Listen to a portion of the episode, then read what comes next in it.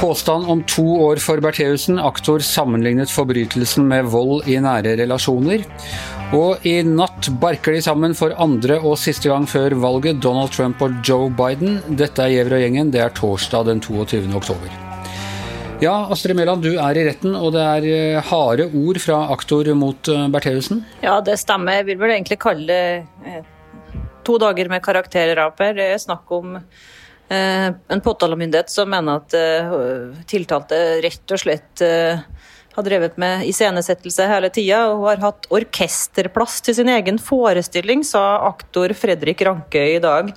Da mener jeg at hun har ja, ført oss alle bak lyset, sendte grove trusler til sin mann og ekteparet Tybring-Gjedde i den hensikt å ramme dette teaterstykket, eller teatertroppen, The Ways of Seeing, som hun ble så sint på at filma huset hennes og viste frem på teaterscenen. Men jeg har bare fulgt dette da litt via, via kjappe rettsreferater. Men henger det sammen at aktor både Eh, at eh, tiltalen både sier at det har vært et angrep på uh, demokratiet ved å liksom, prøve å, true politikere til taushet, og at det er å sammenligne med vold i nære relasjoner. At Tor Mikkel Wara nærmest har vært tvunget til å støtte sin kone slik en mishandlet ektefelle støtter, støtter mishandleren i mange tilfeller? Her vil jo partene i saken helt sikkert være uenige om det. Så det første poenget så mener aktoratet at det Eh, Tor Mikkel Wara beviselig ble forhindra jobben sin.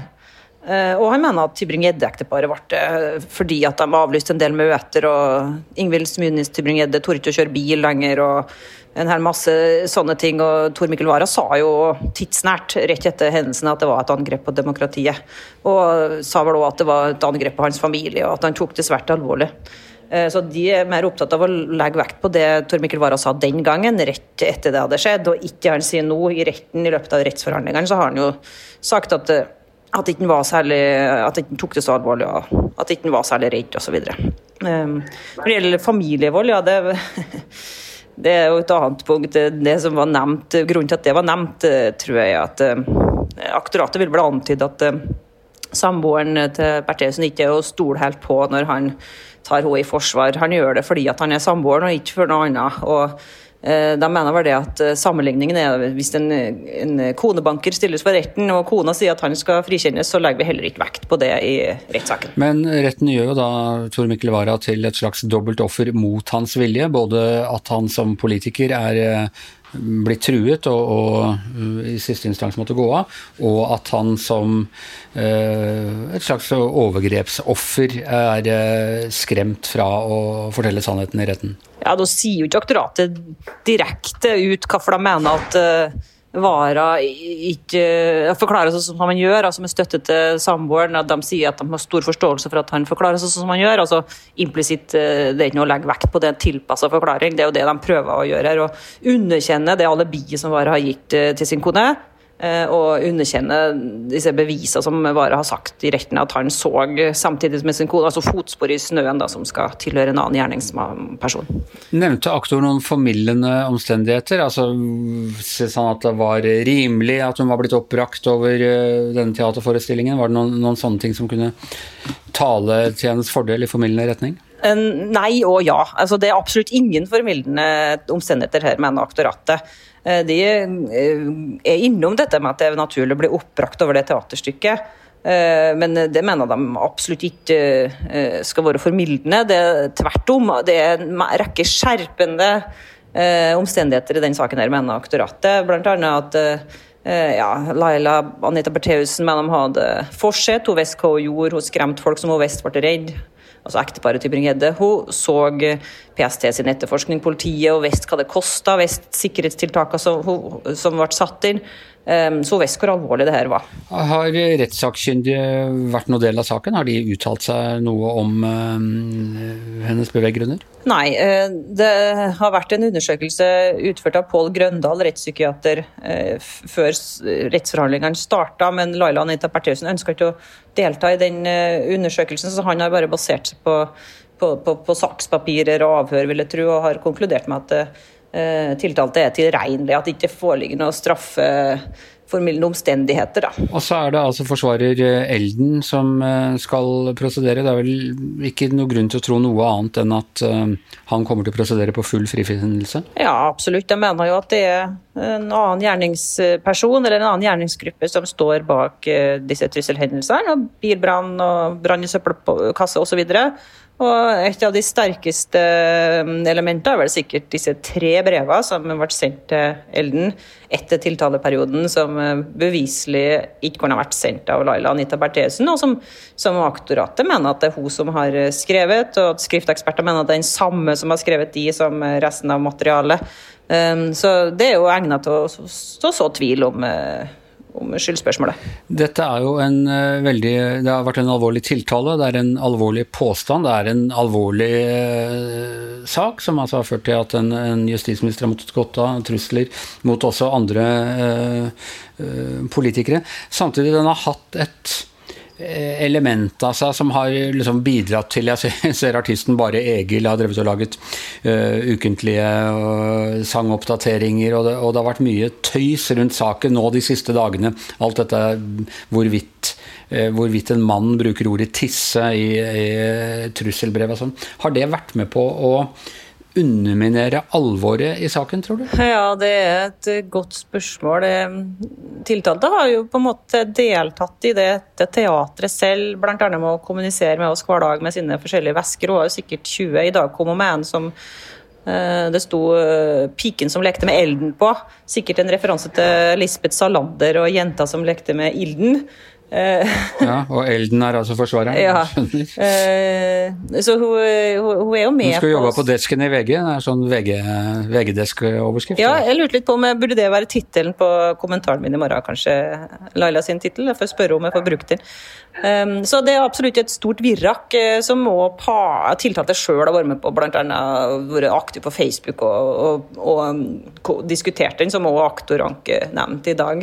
Men det er klart det. det er det er masse styr og masse Ways of Seeing har jo laga sin egen YouTube-kanal med episoder om rettssaken, og de har laga sin egen T-skjorte eller genser med navnet på denne vennegruppa på Facebook som de går rundt med i retten.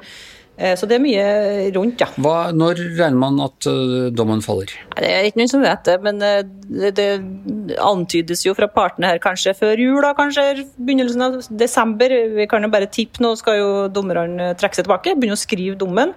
Eh, så får vi se når vi blir innkalt igjen. Ok, tusen takk til deg, Astrid Mæland.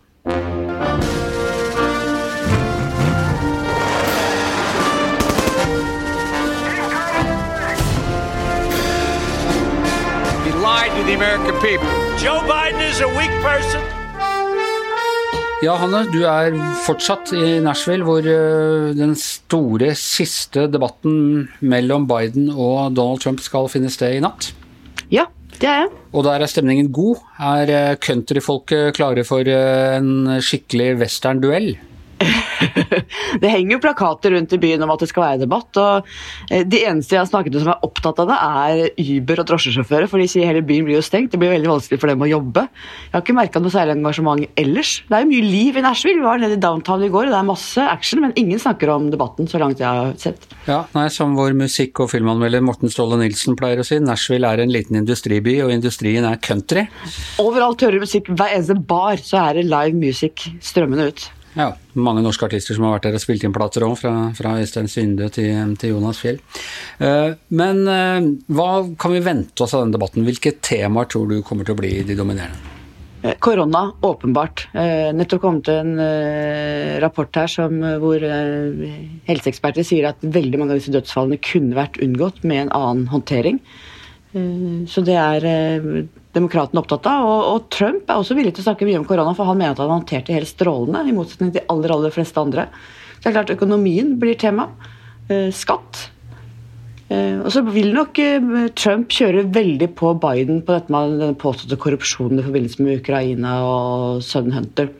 Og Trump vil nok eh, fortsette sine mange angrep. Nå sies det at uh, hans medarbeidere sier at nå skal han bare være rolig og være taus og, og, la Biden snakke for å avsløre hvor dårlig Biden egentlig er. Jeg tviler på om Trump kommer til å klare det. Nei, de Medarbeiderne hans har ikke så mye de skal si i denne sammenheng. Men jeg, jeg har tenkt på Hanna, altså, er det ikke egentlig en fordel for Trump at man har strammet inn disse reglene. altså Forrige gang så vant jo eh, Biden nærmest debatten på walkover. Han trengte bare å stå der og se mildt oppgitt ut over at eh, Trump oppførte seg som en unge. Eh, nå vil det bli stilt helt andre type krav til Biden på å levere argumenter? Jo, absolutt. Det er klart at det var en fordel for Biden at han ble så mye avbrutt. Sånn at, men Biden har jo også mange flere, flere, politikkplaner og konkret politikk enn det Trump har. Trump snakker jo stort sett om hvor fantastisk alt skal bli, men har jo veldig lite konkret. Det var en gjennomgang her nå nettopp før vi gikk på på av de forskjellige planene hvor på Trumps hjemmeside handler det bare om hva han har gjort så langt, veldig lite om tiden framover. Mens Biden har 50 ulike politikkplaner på sin hjemmeside. Så Biden har jo faktisk litt mer å melde da, om hva han har tenkt å gjøre. Og så har han jo også en del ting han har gjort under Obama. Nå mener jo riktignok eh, Trump selvfølgelig at det er helt forferdelig alt sammen, men, men, men, han har en policy der. Apropos det, så var jo altså Obama ute i går med støtte til sin gamle visepresident. Det er litt uvanlig at en president, tidligere president går så tungt ut. Uh, så rett før et valg. Vi er, vi er, flinke til å påpeke hver gang Trump bryter med presidentkonduitten, men dette her er også Selv om tidligere presidenter har vært ute med sånne milde anbefalinger og råd, så var dette ganske hard valgkamp fra Obamas side. Ja, ikke bare litt uvanlig, det er helt uvanlig. Han var jo steinhard i sine angrep på Donald Trump, som ikke hadde gjort jobben, som hadde svikta i korona. Han, sa han trodde jo da han tok office, at han skulle faktisk ta ansvaret. Så her sier folk at det er helt uvanlig, men de jeg hører her, sier at det er et eksempel bare på hvor veldig uvanlig alt i denne valgkampen faktisk er. Ja, og Det uvanlige går vel nettopp på det at han har angrepet Trump. Tidligere presidenter pleier mer sånn å, å anbefale sin, eh, sin, partifelle og min gode venn osv., og, så videre, og han vil ta, til, ta Amerika til nye høyder og sånn, mens man eh, unnloter ja, Det blir liksom Voldemort, han hvis navn vi ikke nevner på, på motkandidaten. Men Obama er vel også personlig må han si, fornærmet og krenket av Donald Trump. Trump har gjort det til et slags um, uh, livsoppgave å ødelegge veldig mange av de tingene som Obama gjennomførte. Ja, og det var jo en tale med et enormt engasjement. Man var sånn Er det mulig? Hør, har han virkelig gjort dette? Han var altså så engasjert og så god. Han var liksom Obama på på sitt beste, og nettopp med helsereform, alle disse tingene som Obama gjennomførte, og som nå Trump, som du sier, river ned én etter én. Så det er klart at For Obama ligger veldig mye av hans ettermæle og hans innsats i potten. Men det er jo ikke noe tvil om at hvis Biden blir valgt, så kommer han til å avvikle mange av, eh, mest mulig av de tingene Trump har innført. Og det er vel noe av problemet med det veldig splittede USA du har nå. At eh, du risikerer en sånn pingpong-effekt hvor de bare egentlig er mer opptatt av å sabotere forgjengerens eh, politikk enn å egentlig klare å bygge videre på den og, og skape noe nytt. Absolutt, men samtidig så har jo Biden vært opptatt av hele tiden å, å si at han er en samlende president, viser at han har gjennom mange år samarbeidet med republikanere. Han er en som kan eh, bygge bro også i det politiske USA. Det er i hvert fall en, en eh, beskjed og et budskap som jeg tror treffer mange amerikanere den tida vi er i nå. Trump jo ingen, spiller jo på ingen av de tonene i det hele tatt. Nei, og det vil vel ikke egentlig tilhengerne hans at han skal spille på heller. Det er, det er, jo der forskjellen på en måte går. Det er veldig sånn uforsonlige på, på, begge sider, og så har du en gruppe i midten som er dem som eventuelt kan komme til å avgjøre. Ja, men det er interessant, for Denne gangen var jeg her også før valget i 2016. og Denne gangen opplever jeg at veldig mange også av de Trump-tilhengerne jeg snakker med, er veldig lei seg for det polariserte og sier at de ligger et sted i midten og de skulle ønske at det var mer samarbeid. Så jeg tror amerikanerne, kanskje også av en del i hvert fall mer sånn, si, moderate Trump-tilhengerne, er blitt mer tilhengere av en et sentrum og brobygging nå enn de var forrige gang. Pluss at vi ser litt tegn til at det krakelerer litt på republikansk side. De var ikke noe særlig begeistra for denne uh, stimulipakken som Trump plutselig trakk opp av hatten. Og meningsmålingene gjør vel også at mange kan finne på å, feige ut litt nå i innspurten? Ja, for no, I noen delstater så er det jo noen som prøver å balansere veldig med at de ser at han ikke er like populær lenger, prøver å ta avstand fra ham, samtidig som de må prøve å beholde, ikke fornærme hva skal vi si, hardcore Trump-tilhengerne. Så det er i ferd med å krakelere på republikansk side, fordi at Trump har blitt mye mer upopulær gjennom bl.a. sin håndtering av koronaen. Det blir jo en debatt om utenrikspolitikk uh, også i, uh, i, natt. og det, uh, det, er jo Bidens gamle sjarmøretappe. Han var leder for Senatets utenrikskomité i mange år. Det var, jo, det var jo sånn vi hadde hørt om han før, i Norge før han ble visepresidentkandidat for Obama. og fordi han Han, han var veldig aktiv under Kosovo-krigen og under Clinton, en av de ledende utenrikspolitikerne i USA. Eh, hvordan tror du han vil komme ut av det med Trump der? Jeg går ut fra Han kommer til å beskylde Trump for å være liksom, for snill mot våre fiender og for slem mot eh, våre venner. Men eh, vil Trump klare å, å, å, kontre dette med alle disse påstandene om at Bidens familie er korrupt og har beriket seg og sånne ting? Kommer an på om det blir substans eller ikke. For Når det gjelder Kina, så er det jo veldig mange som støtter Trumps politikk der. Og der er jo faktisk demokratene og republikanerne også enige. Så jeg er veldig spent på hvordan den debatten blir mellom de to. Det kommer jo fram nå at uh, Trump har, har ja. bankkonti ja. i, i, Kina, faktisk tjener penger der. Og der var Obama god i går og sa Bankkonto Kina? Tenk hvis jeg, mens jeg var president skulle bli gjenvalgt, hadde en bankkonto i Kina, hemmelig bankkonto i Kina. Kan dere se det for dere? Han var helt sånn Er det mulig? Så det er klart at der uh, sitter jo eh, Trump litt i, i klisteret. Nei, det er klart, Trump vil nok prøve å gjøre alt, også den utenrikspolitiske debatten, til å handle om Hunter Biden og Ukraina. Men nå vil jo da denne mikrofonen som vi om være lukket, sånn at Biden får framføre sitt budskap der. Tror du det er mulig for Trump å snu narrativet, som det heter, i, i løpet av en sånn debatt, eller er løpet nå mer eller mindre lagt? Det vil, det vil, være marginene som avgjør i disse vippesakene? Det vil være marginene som avgjør, og det er jo rekordmange. Det er over 40 millioner som har forhåndsstemt. Det er mange mange flere enn på tilsvarende tidspunkt eh, noen gang i historien. Veldig veldig få som ikke har bestemt seg ennå. Og så kan man si at hvis Dersom Trump skulle gjøre en strålende innsats i kveld og overraske alle, så kunne kanskje noe vært i spill noen steder.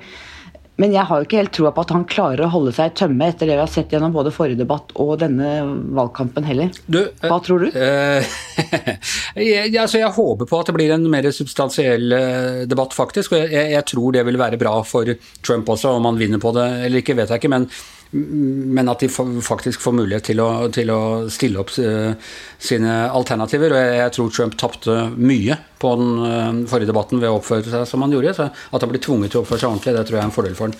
Men du, uh, det er én ting til som er Uh, interessant. Og dette er en spekulasjon fra han Bannon, han er vel ikke akkurat inne i varmen lenger. Men han var ute i går eller i forgårs og sa at hvis Trump taper mot Biden, så kommer han til å stille i 2024.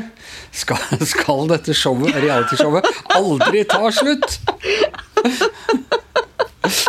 Hva tror du? I 2024 vil han jo bare være ett år yngre enn det Biden er, nei, ett år eldre enn det Biden er nå. Ja, ja, ja, en ren ungsau. Men jeg tviler på meg. Eh, men, men det, se, se, for deg nå fire år med Biden og, og uh, alt dette her, og så uh, Trump inn med masse tilhengere on fire i ryggen, inn først i republikanernes nominasjonsprosess, og så inn i Er det i det hele tatt tenkelig? Det er jo lov for uh, for en eh, president å stille igjen? Ja, det, ja det er, men det høres jo veldig rart Men da tror jeg noen andre spekulerer at Don, Donald Trump jr. er den som vil liksom ta over den politiske karrieren. Han har jo steget opp som en veldig politisk stjerne. Vi møtte noen i Florida som sa at de elsket Donald Trump jr. Han er jo blitt en demagog litt sånn på linje med far sin, men litt mer stringent.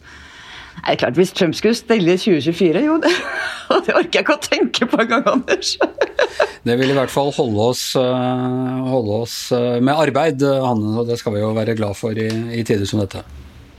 Vi skal se på debatten i dag. Det skal vi. Eh, og vi kommer til å snakke om den på en podkast som legges ut i morgen tidlig. Det betyr at i morgen blir det ingen Giæver og Gjertsen. Vi tar en uh, ukes pause, men fra sånn ca. klokka sju så vil Hanne og jeg og Per Olav Ødegaard uh, kaste terning og vurdere å snakke om alt fra fluer til uh, utenrikspolitikk.